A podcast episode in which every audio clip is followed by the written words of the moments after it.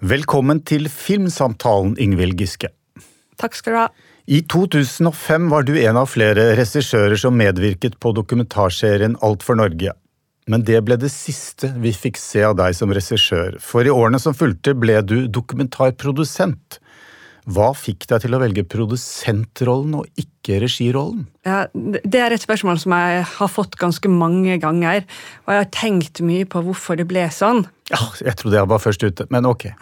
eh, vanligvis har jeg på en måte I begynnelsen tenkte jeg ja, det var jo tilfeldig, og jeg skulle begynne å gjøre å produsere for en, en, kollega, og vi skulle produsere for hverandre og sånne ting.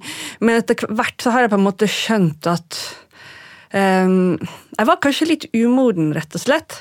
Og jeg ser de regissørene som jeg jobber med nå, de, er, de står mye sterkere i møtene med de folkene som er foran kamera.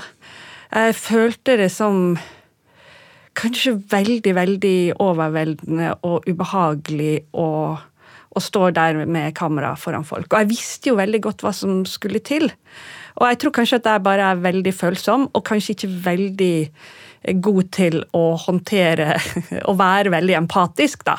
Eh, jeg tror det er en sånn blanding at man opplever absolutt alt som skjer rundt seg, og får med seg veldig mye nyanser av ting, men ikke er skikkelig god på å håndtere det. Og da er det kanskje bedre å stå et skritt lenger bak, da. Mm. Rett og slett. Det tror jeg egentlig det er. Ja. Produsentrollen har utviklet seg spektakulært på den tiden du har vært uh, produsent, altså de siste uh, sånn drøyt 20 år. Uh, og den gangen så husker jeg at noen av oss tenkte at en produsent fikser altså det å finansiere en film, og så er that's it. Men, men, det er mye mer komplekst enn som så. Hva kan, hva kan vi si om produsentrollen når det gjelder dokumentar? Hvordan har den utviklet seg? Ja, den uh, har jo kanskje utviklet seg likt med, med, produsentrollen for fiksjon, selv om jeg aldri har jobbet med det, så jeg kan jo ikke nyansene der. Men, men og ikke veit jeg helt hvordan det var før heller. Uh, men det er i hvert fall ikke bare finansiering. Men jeg føler jo at jeg bruker enormt mye av min tid på å følge med på tidsånden. Uh, og for å forstå hva slags filmer som vi kan klare å finansiere og få ut, og som kan gi en slags gjenklang i det samfunnet som vi er i akkurat nå. Mm. Og det er ekstremt, Jeg merket det, jeg ble veldig bevisst på det under pandemien, fordi jeg mistet en del av mine verktøy som handler om å uformelle samtaler med folk som finansierer, distribuerer, selger film. Eh, også samtaler med vanlige folk. For det er klart, online-samtaler er noe annet. Du mister nyansen, du mister de der eh, lille sånn Ja, men hvordan er det egentlig hos dere når man går ut av et møte? Sånne ting. Eh, der man kan få en følelse av et eller annet som de er interessert i, et eller annet som er et problem.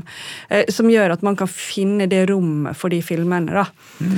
som man har lyst til å jobbe med. Så jeg bruker enormt mye tid på bare å følge med, og jeg merker også når jeg hvordan vi rekrutterer hvis vi skal ha folk som skal jobbe med oss på produksjonssida, så er jeg ofte mer interessert i de som har kanskje mer en journalistisk eh, bakgrunn da, enn eh, filmbakgrunn. Det er en fordel at man har sett mye film og sett mye dokumentarfilm, men det er selvfølgelig også en fordel at man forstår det samfunnet filmen skal inn i. Mm.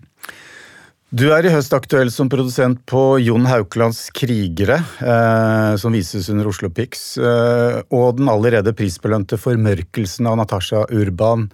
Eh, Sistnevnte er også kortlistet til den europeiske filmprisen, altså det fikk vi høre denne uken. Og begge disse filmene gjenspeiler den norske dokumentarfilmens både sterke lokale og internasjonale orientering. og det har kanskje vært den største overgangen for norske dokumentarprodusenter de siste jeg vet ikke, ti årene, at, at de er blitt mye mer internasjonale? Ja, Det kan man si. Samtidig så er det jo en internasjonal trend som sier at det, du helst skal lage filmer som er knyttet til ditt samfunn, ditt lokalmiljø. ikke sant? Det er mindre ønske om generelt, da, og litt mindre applaus for folk som reiser ut i verden, prøver å filme de andre. Og det er jo også noe vi stiller oss bak. på en måte. Vi, vi, vi forholder oss til den trenden, og så er det masse meninger om er dette bra eller dårlig. Jeg tror jo vi fortsatt trenger f.eks. For krigsreportere eh, som ser en konflikt utenfra. Eh, men jeg og Der har jo dere vært aktive med bl.a. Dogma. Som, som, jo var, eh, ble en prisbelønt uh, liten internasjonal festivalsuksess. Eller ikke, ikke bare festival, TV, mange TV-kanaler rundt omkring i verden viste den. Ja, og jeg tror at uh, den type filmer, med, og at vi trenger fortsatt uh, å se spesielt konflikter kanskje utenfra.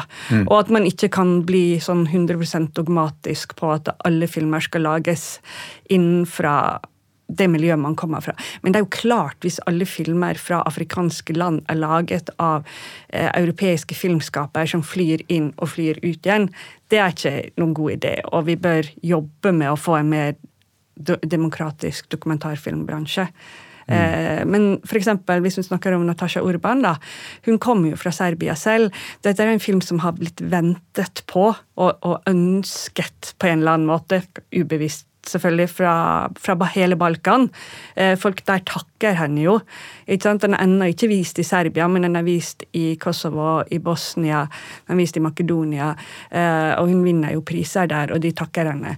Og det er fantastisk, men det er ikke sikkert at det hadde vært så lett for henne å lage den filmen og ta oppgjør med det serberne gjorde på 90-tallet, og den nasjonalismen som fortsatt finnes der, eh, hvis hun fortsatt hadde bodd i Novi Sad. Mm. Eh, fordi da måtte hun stått i det daglig. Ja, og det gjør jo noen av hennes eh, medvirkende i filmen. De, de bor jo der, så, eh, så det er jo men, men, det er jo fantastisk at Norge på en måte i det hele tatt er et mer mangfoldig land, og at man kan bidra til, til den type filmer. Mm. Men denne internasjonale tendensen inngår jo også i altså nå har vi brukt den, det uttrykket så mange ganger at det nesten ikke har noe mening lenger, men altså dokumentarens nye gullalder. Eh, og, og, det er det jo i høyeste grad. Jeg tror vel heller at det på en måte ikke er snakk om noe renessanse eller gullalder, men at altså, dokumentaren har aldri noensinne vært så synlig og, og, og, hatt den gjennomslagskraften den har i dag. Og hvis vi skal si noe enkelt om årsakene til det, dette er et stort spørsmål, men, men hvilke trekk vil du fremheve? Altså, altså de bakenforliggende årsakene til gullalderen? Nei, det, nei, det er veldig vanskelig å si. Ja. Mitt perspektiv i det der er jo på en måte ikke å stå utenfor og prøve å analysere det. Mitt eh, perspektiv er jo å prøve å stå inni det, eller å faktisk stå inni det og, og navigere det, og merke liksom hvor kan vi få disse filmene ut? Hva slags type film? Mm. Eh, er det rom for en film som Formørkelsen? Det er ikke sikkert at NFI hadde applaudert bare, den for bare veldig få år siden. Fordi det var mindre tillit til at uh, uh, ja, den, den, type filmer kunne nå ut til et publikum, da. Men det mm. viser jo det seg at den gjør. Mm. Og, og, det er jo ting man må, må undersøke hele tida. Og så ser man jo en slags sånn um, Netflixifisering, hvis man skal bruke et veldig banalt ord, av en del fiksjon. Som gjør at uh, kanskje folk, noen folk, i hvert fall segmenter, ønsker seg noe som er uh, nærmere, mer autentisk. da. Det er jo autentisiteten.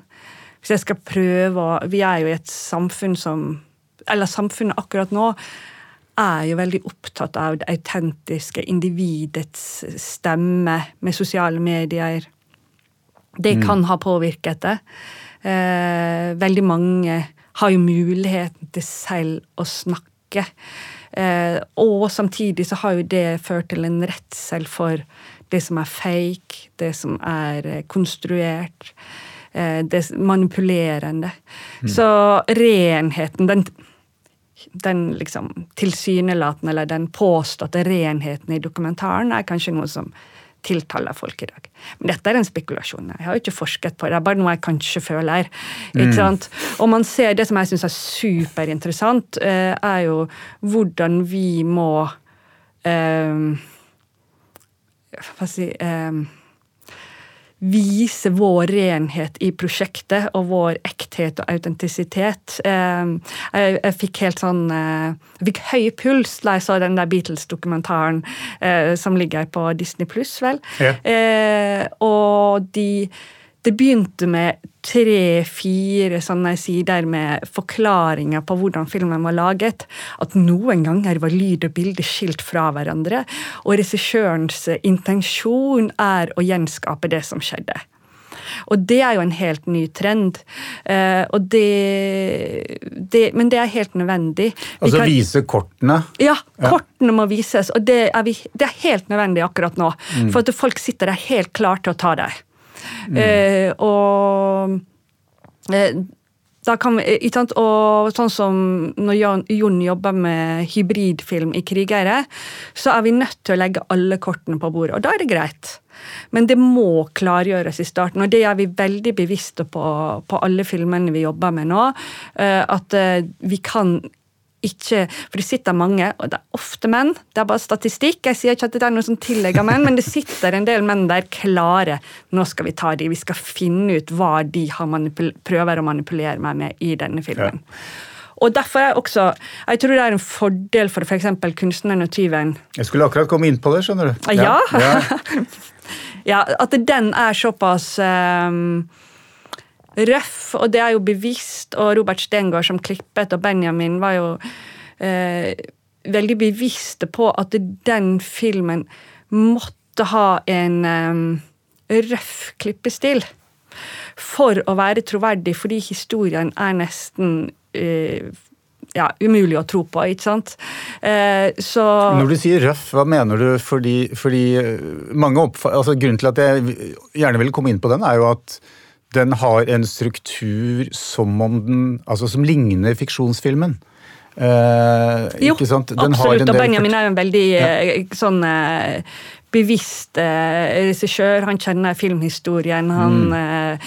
han, har sett enormt mye film. For å si det sånn, Den er så utrolig dyktig fortalt at noen Det var enkelte som kunne reagere på at Ja, men er dette en dokument? Tar da? Er det Altså, det, dette behovet for en renhet?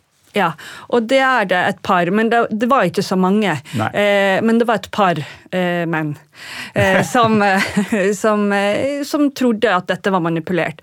Og det er ganske interessant. Vi, vi, det er jo en stor, eh, vi, vi, må være veldig veldig forsiktige og vi er veldig bevisste på dette. fordi idet det, det frøet er sådd, så sprer det seg. Mm. Og det var nylig så kom en dame og sa til meg ja, den filmen den er jo rekonstruert. Jeg bare hva?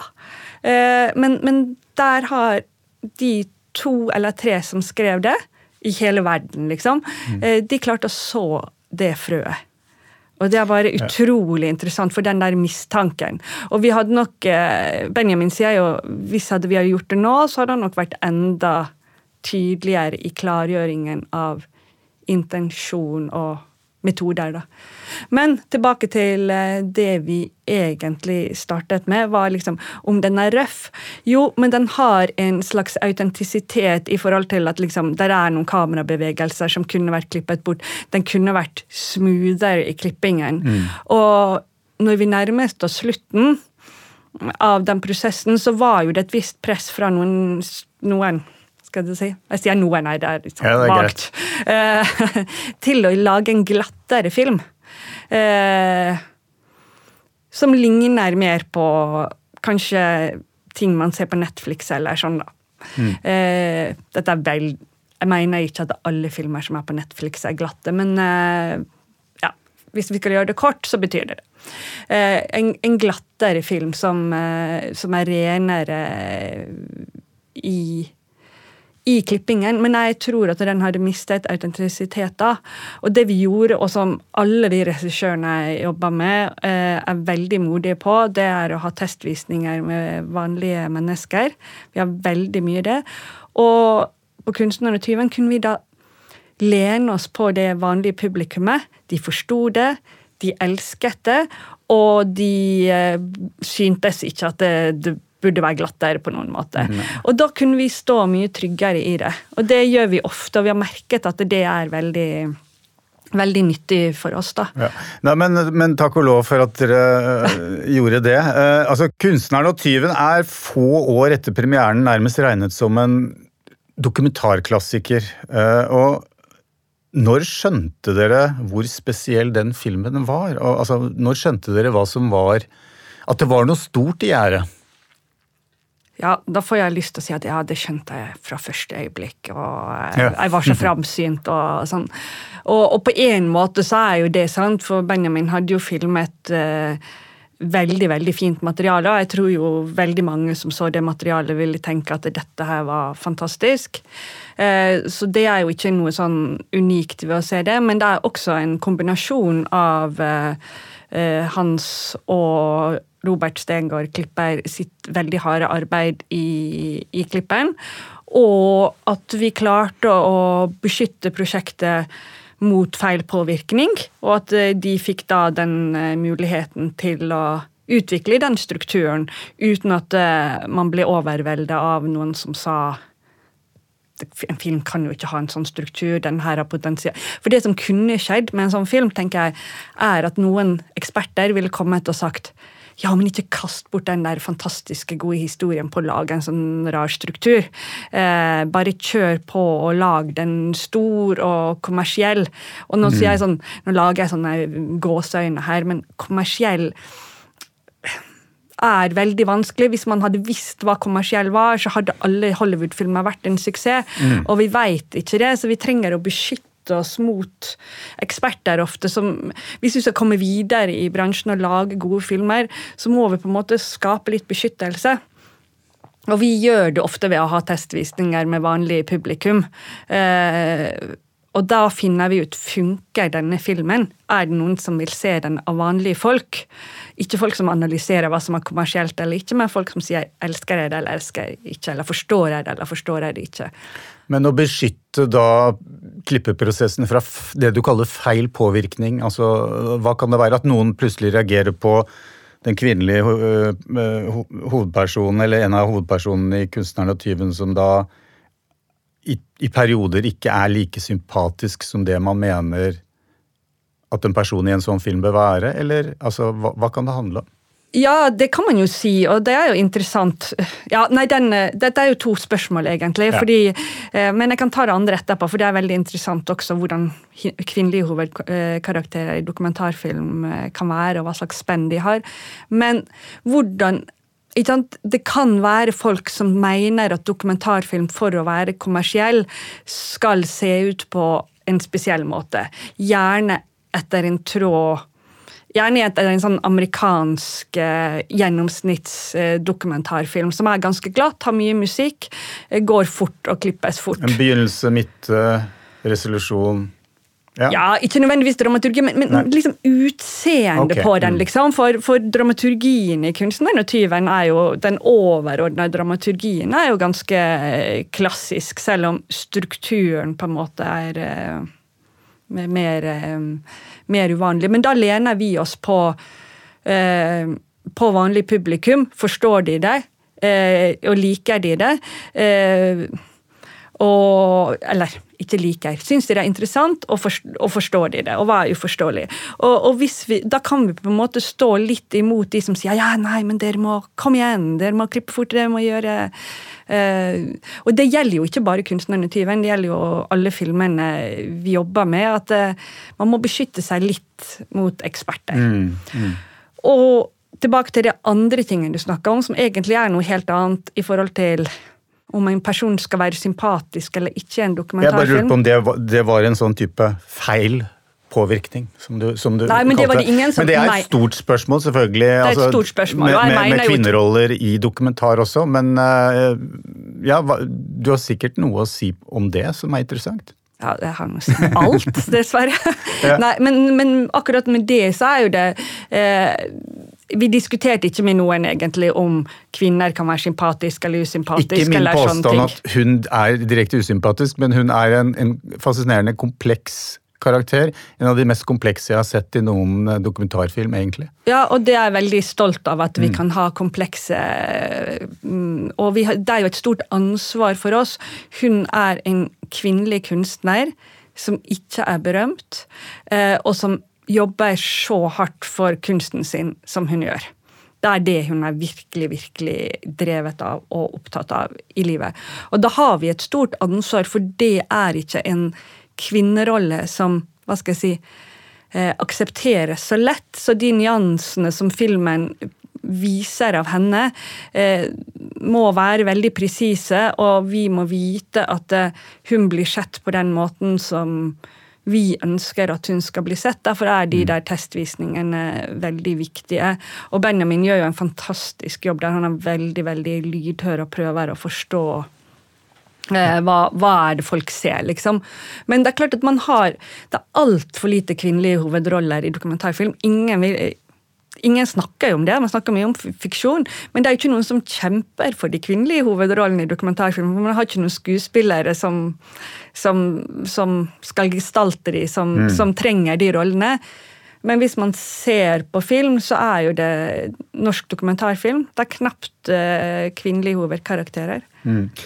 'Kunstneren og tyven' ble en internasjonal suksess, egentlig uten sidestykke norsk dokumentarhistorie. Uh, og det har haglet priser og kritikerros uh, over store deler av verden. Men, men dokumentar, en dokumentarprodusents hverdag er liksom ikke noe dans på roser, uh, kan man si. Altså det, det, den er ikke gullkantet, selv om man, man oppnår det du og, og, dere i medieoperatørene har oppnådd med disse filmene. Altså, så jeg er litt sånn nysgjerrig på altså, hva er det som holder deg gående som produsent? Fordi Uh, før vi gikk inn i studio her for å snakke, så, så nevnte du det at uh, folk står ikke akkurat i kø for å bli uh, dokumentarprodusenter. Nei, dessverre så gjør ikke de det. Um, vi har sikkert holdt litt hemmelig at det er verdens beste jobb. nei, det er en dårlig, dårlig vits, men fordi det er jo klart det er slitsomt, og det er liksom ikke så mye penger i det som det er i fiksjon og TV. Og vi mista jo en del eh, veldig dyktige folk til både TV og fiksjon. Vi jobber jo på en helt annen måte i eh, dokumentarfilm, opplever jeg. Uten at eh, vi har vært veldig, veldig flinke til å snakke om det. Så, så tenker jeg, så ser jo jeg at eh, jeg og mine dokumentarkollegaprodusenter både i Norge og i andre land, vi jobber jo mer med å uh, styre en kunstnerisk prosess uh, enn å tilfredsstille en kjøper. Og dette høres ut som at å, vi er helt uinteressert i publikum, og det er ikke det jeg mener med det, men, men det er bare en, en, litt annen prosess for å komme fram til den ferdige filmen. da. Mm. Vi er veldig interessert i publikum. Ja. Vi vil gjerne at folk skal se filmene våre. Men, mm. Og vi tester på publikum, som jeg har sagt, og sånne ting. Men vi har kanskje litt mindre tillit til at vi selv klarer å spekulere oss fram til hva som er kommersielt. Mm. Du nevnte dette med å operere med åpne kort. Eh, og det som har slått meg med dokumentarprodusenter, er at de i stor grad også må være hva skal vi si, menneskekjennere de må håndtere mennesker som befinner seg i en utsatt posisjon uh, sammen med regissøren. Uh, og Kan du si litt mer om det? Altså det å, det å måtte bygge en slags beredskap rundt de personene dere eksponerer. Uh, det virker på meg som en veldig sånn komplisert ting å gjøre. Ja, jo, vi har jo et kjempestort ansvar, og det er jo spesielt når vi lager filmer som drar folk inn i offentligheten som selv ikke nødvendigvis har bedt om det, og som selv ikke har oversikten over hva det innebærer. Eh, det er jo et personlig forhold, mener jeg, og jeg jobber jo ikke med regissører som ikke tar det eh, ansvaret alvorlig og forstår at det er kanskje et livslangt forhold da, med de karakterene i hver film. Og det er jo veldig spesielt. Er det ikke det? det er som det er. det er som det er. Ja, nei, jeg tenker sånn, altså det er, eh, For en utenforstående som meg, så framstår det som uh, altså, en slags ny dimensjon ved det hele. Man tenker gjerne at filmproduksjon er Man spiller inn noe. Uh, sånn som det er innenfor fiksjon, da, TV-serier eller, eller, spillefilm. Og så, og så, ses man igjen på neste sett om to år. Ja. Men, men dette er på en måte noe langt mer alvorlig. Ja, men så kan man jo også si at eh, hvis man ser fra det perspektivet at dette er jo disse menneskene sitt liv, eh, mm. så hvilken rett har vi til å ta deres liv og, og eksponere det, og, og, så bare si ok, klar deg sjøl. Mm. Eh, det, det, sånn kan man jo også se det, at det er helt naturlig, rett og slett. det betyr, og det er jo og for noen så innebærer jo det, for noen regissører så innebærer jo det også ganske mye jobb med grensesetting. Kamelspising. Noen regissører er ekstremt flinke på å spise kameler til eh, alle måltider. For det er jo eh, det, det, kan være veldig veldig, veldig krevende noen ganger å forholde seg til de som har vært foran kamera eller er foran kamera. Mm. Men eh, man har jo et etisk ansvar for å gjøre det, da. Eh, og det er veldig forskjell fra film til film i hvor stor grad det jeg er involvert i det. Eh, på noen filmer så har jeg et eh, så er jeg nesten like involvert som regissøren i karakterene, mens andre ganger så, så er det hovedsakelig regissøren som har mm. det. Så, så, det er fra film til film. Ja. En gang i tiden så var dokumentarmiljøet i Norge prisgitt noen få altså det jeg vil kalle guder, særlig NRK, allmektige guder. Eh, men de siste årene har det kommet flere til, og du var inne på det med strømaktørene, eh, blant annet. Eh, har det ført til en hva skal vi kalle det, en sunnere konkurranse om de, de beste prosjektene?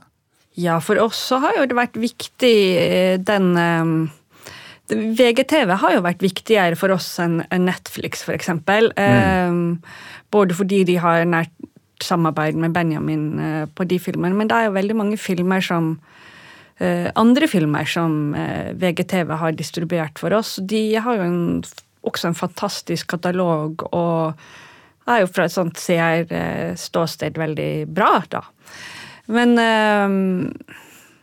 vi har jo ikke produsert noe med Netflix, jeg veit ikke hvordan det er.